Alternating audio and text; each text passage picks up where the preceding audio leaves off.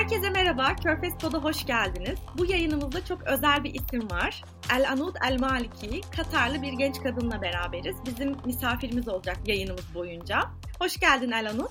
Hoş buldum. El Anu çok iyi Türkçe konuşuyor. Yer yer zorlandıkları oluyor ama bence gayet akıcı ve çok güzel Türkçesi. Bu podcastlere başladığımda size daha önce de söylemiştim. Bu coğrafyanın Türkiye'de çok bilindiğini düşünmüyorum. Bu varsayımla yola çıktık aslında biraz. Bir Türkçe arşiv oluşturalım istedik. Hem uzmanlarımızla hem alanda bulunan insanlarla beraber. Ee, biz de El Anut'la Katar üzerinden tanıştık ve güzel Türkçe konuşuyor olması, kültürü ve dile dair bilgisinin olması beni çok etkiledi.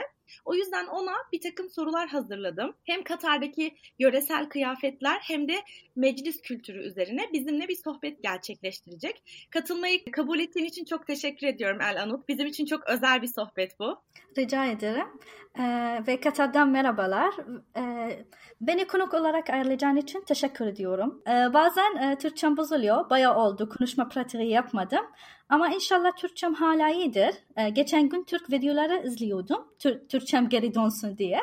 Ee, bozulmuşsa artık e, kusura bakmayın ve umarım bugün bütün takipçilerini sevindiririz. Çok teşekkür ediyorum. Bence gayet güzel ve ben hiç daha önce Türkiye'de herhangi bir medya e, organında Türkçe konuşan bir Katarlı'nın çıktığını düşünmüyorum. O yüzden bence sen bir ilksin bu noktada.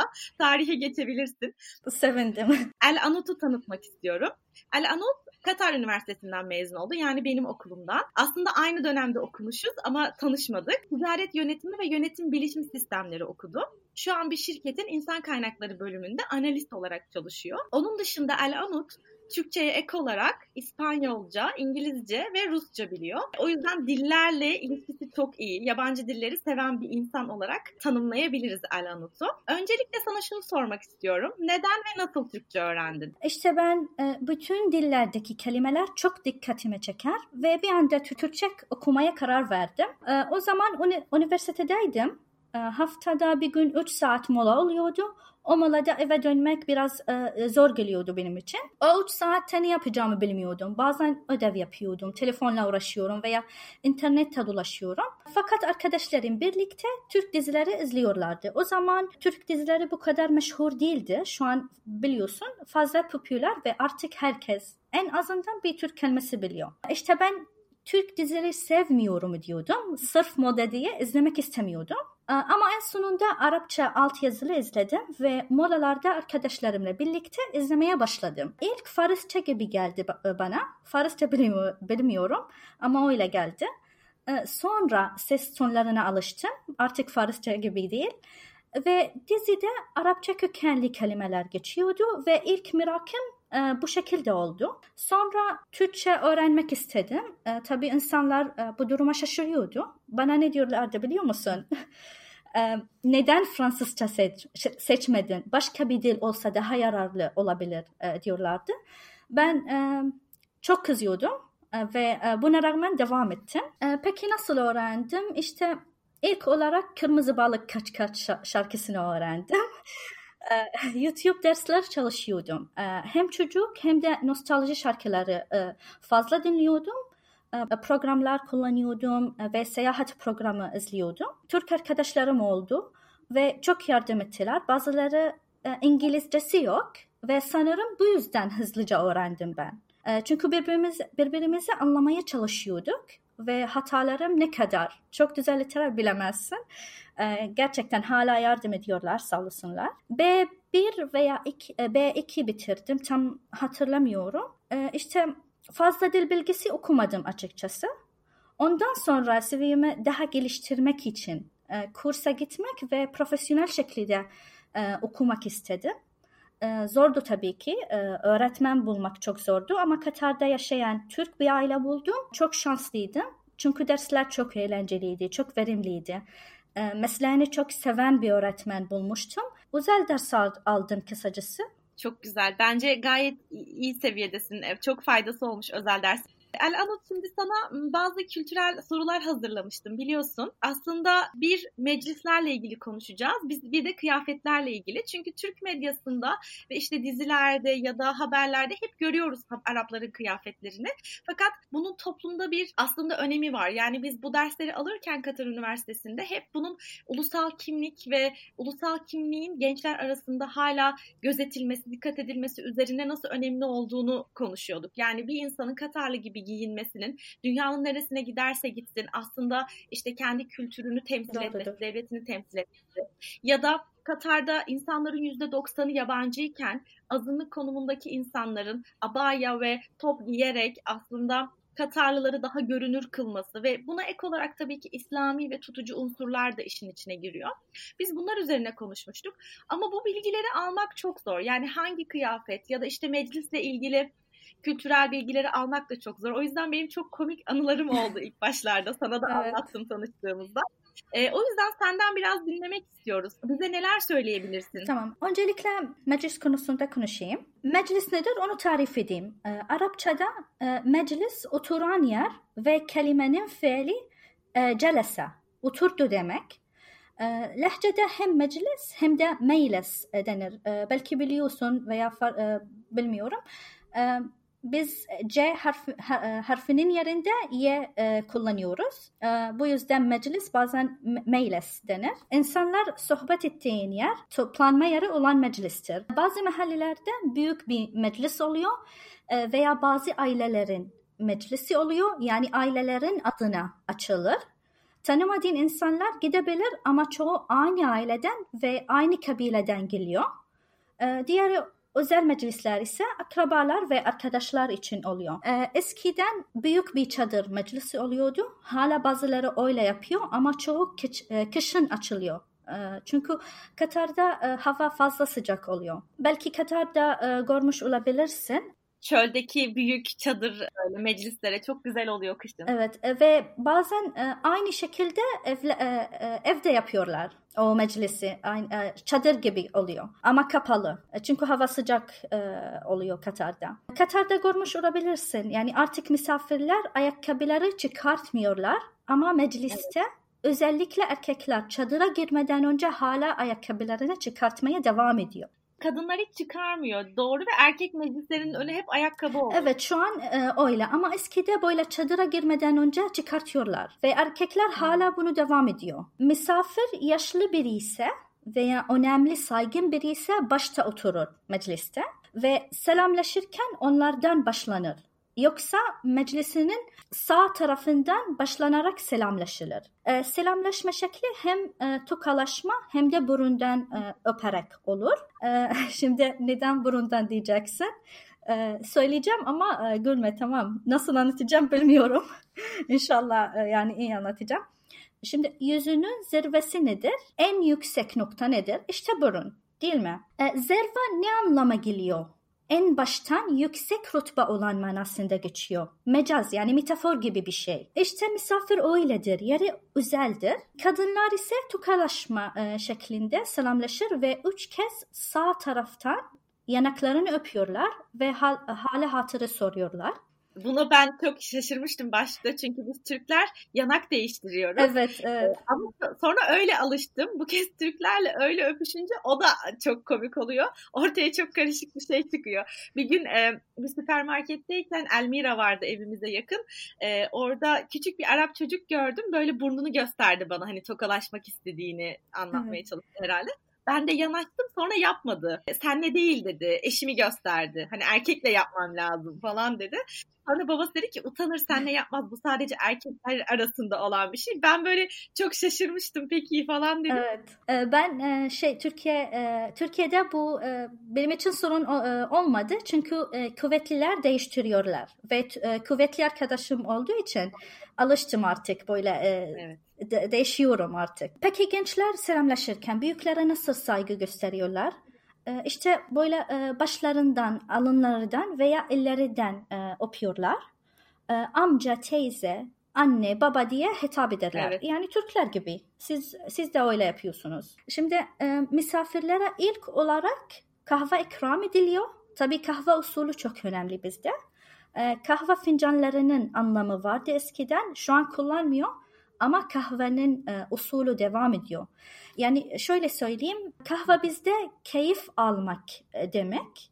Şehirlerde de, de öyle geçiyor ve e, şehirlerde kahve sarı diye geçiyor. Çünkü e, Arap kahvesi sarı oluyor. Yani Türk kahvesi gibi değil. Bilmiyorum belki görmüşsündür e, Bursa'da e, Çarşıda bazı yerlerde Türk kahvesini cezvede pişirmiyorlar. Küçük bir fincanla pişiriyor değil mi? İşte aynı fincanlarda biz kullanıyoruz. Biraz e, biraz daha küçük oluyor ve tabii ki fincanı doldurmuyoruz. E, dediğim gibi kahvenin amacı farklı.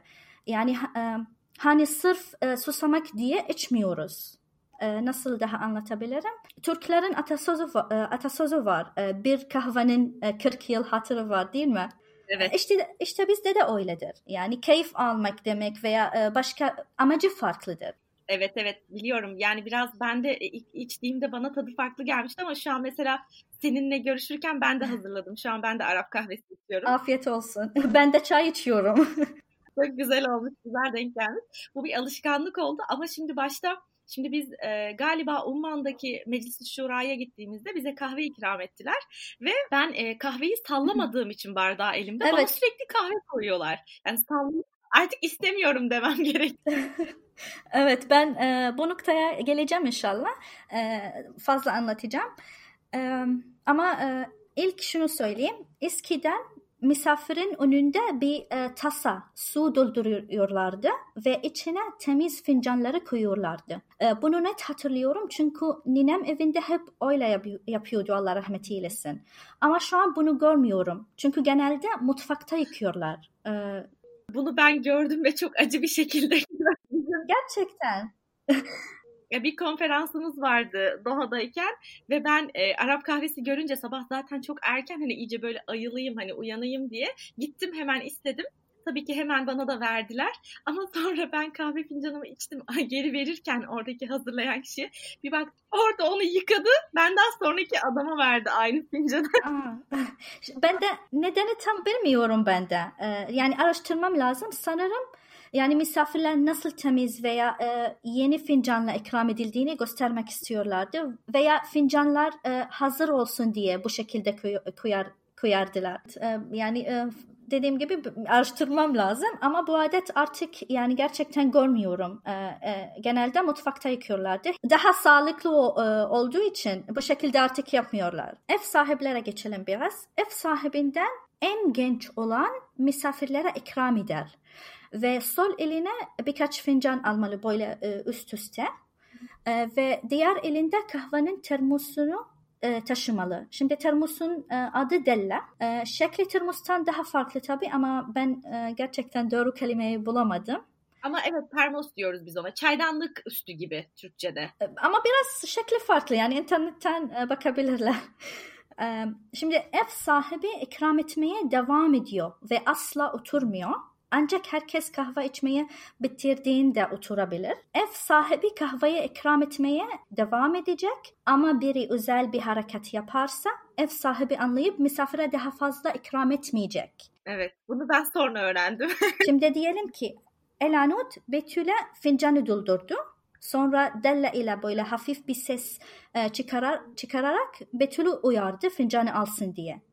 Betül kahve alıyor, içiyor elini ev sahibine uzatır, elini tekrar dolduracak ama Betül fazla istemiyorum derse fincanı hayır manasında sağa sola sallayacak.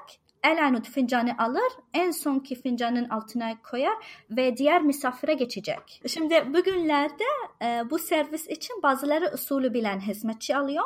Çünkü usulü bilmezse çok ayıp e, karşılanır. Onu soracaktım. Mesela şey farkı var mı? E, bir eve mesela bir meclise gittiğimizde bazen ev sahibi hizmet ediyor. Orada hizmetçi olduğu halde sanki sana daha çok ihtimam gösterdiği için mi öyle? Şimdi nasıl söyleyeyim? E, eskide e, hep ev sahipler e, bu bu adetleri e, böyle ikram ederler. E, yani saygı göstermek için. Ama şu an e, meclisler meclisler içinde e, bu yüzden daha yani kolay e, e, olduğu için hizmet e, servisi alıyor. Evet ben şöyle söyleyebilirim Türkiye'den dinleyen insanlara. Yani bir oda düşünün. Bizim salonumuz salon oturma odası gibi büyük bir oda ve bir sürü koltuk var. Yani 30-35 kişi oturabiliyor genelde ya da daha küçük oluyor eğer daha küçükse. Ama sürekli bir sirkülasyon var yani insanlar giriyor çıkıyor yeniliyor içiliyor o yüzden mutlaka yardımcı birileri oluyor. Evet. Dediğin gibi her zaman ev sahibi yapmıyor ama ben kayınvalidemle beraber gitmiştim bir meclise. Orada meclisteki yaşlı teyze kayınvalideme kendi ikram etmek istedi. Aa, o zaman e, yani saygı göstermek e, istedi. Ben de öyle tahmin ettim. Çünkü hizmetçisini evet. durdurdu, o yapmak istedi. Hani o, o şekilde bir saygı olduğunu düşünmüştüm ben o noktada. Evet. evet çok güzel. Yani e, yarı özel, misafirin yarı özeldir. E, bu, e, bu yüzden yani bu şekilde e, anlat, e, anlatmaya çalıştı. Evet. E, şimdi yemek konusunda e, işte pilav üstü et e, çok önemli meclislerde ve e, kuyunun etini bütün koyma, e, koymalıyız. E, e, yani eğer bütün koymazsak ayıp oluyor. E, sofra eksik kalır. E, herkes önünden yiyecek ve elleriyle yiyecekler. E, ama artık e, yani artık kadınlar süslendikleri için ve yerde oturup yemeyecekleri için bunu pek yapmıyorlar. E, ama erkekler daha çok e, yapıyor. Evet erkekler hala yapıyorlar. Kadınlarda da dediğin gibi bazı yerlerde var ama artık ama ben ilk o pilavın üstüne serilmiş küçük kuzuyu görünce de çok üzülmüştüm. Yatıyor böyle şok olmuştum yani. Bayağı büyük bir hayvan var yani orada. Evet ben şey yani yüzünün altına e, altındaki pilav yemiyorum gerçekten yani yapamıyorum. E, işte meclisin adetleri ve usulü böyledir. Ben sana bir şey sormak istiyorum. Mesela diyelim ki bir arkadaşım var. O beni meclisine çağırmadan ben onun meclis gününü bildiğim halde gidebilir miyim? Evet yani e, bazı meclisler e, yani özel sa yani e, özel saatlerde açık oluyor. Tabii eskiden e, bütün gün açık oluyor. Çünkü böyle e, yani evet. nasıl söyleyeyim? Hayat farklıydı. Biz e, her anda misafir e, misafirler bekliyorduk. Ama şu an yani hayat e, değişti. Özel saatlerde e, gidebilir insan yani meclislere gide, gidebilir. Evet ben çünkü hep hani böyle davet üzerine gittim ama sonra bir Katarlı aile vardı. Onlar her cuma sabah buluşurlardı. Evet. Onlar bize şey dediler. Davete ihtiyacınız yok yani. Her cuma gelebilirsiniz istediğinizde ki öyle giden Türk arkadaşlarımız vardı onların evine. Yani ailenin bir parçası olduğumuz hissi uyandırmışlardı yani bizde. Evet. E, yani e, gidebilir evet. Sana daha önce de söylemiştim e, konuştuğumuz zaman.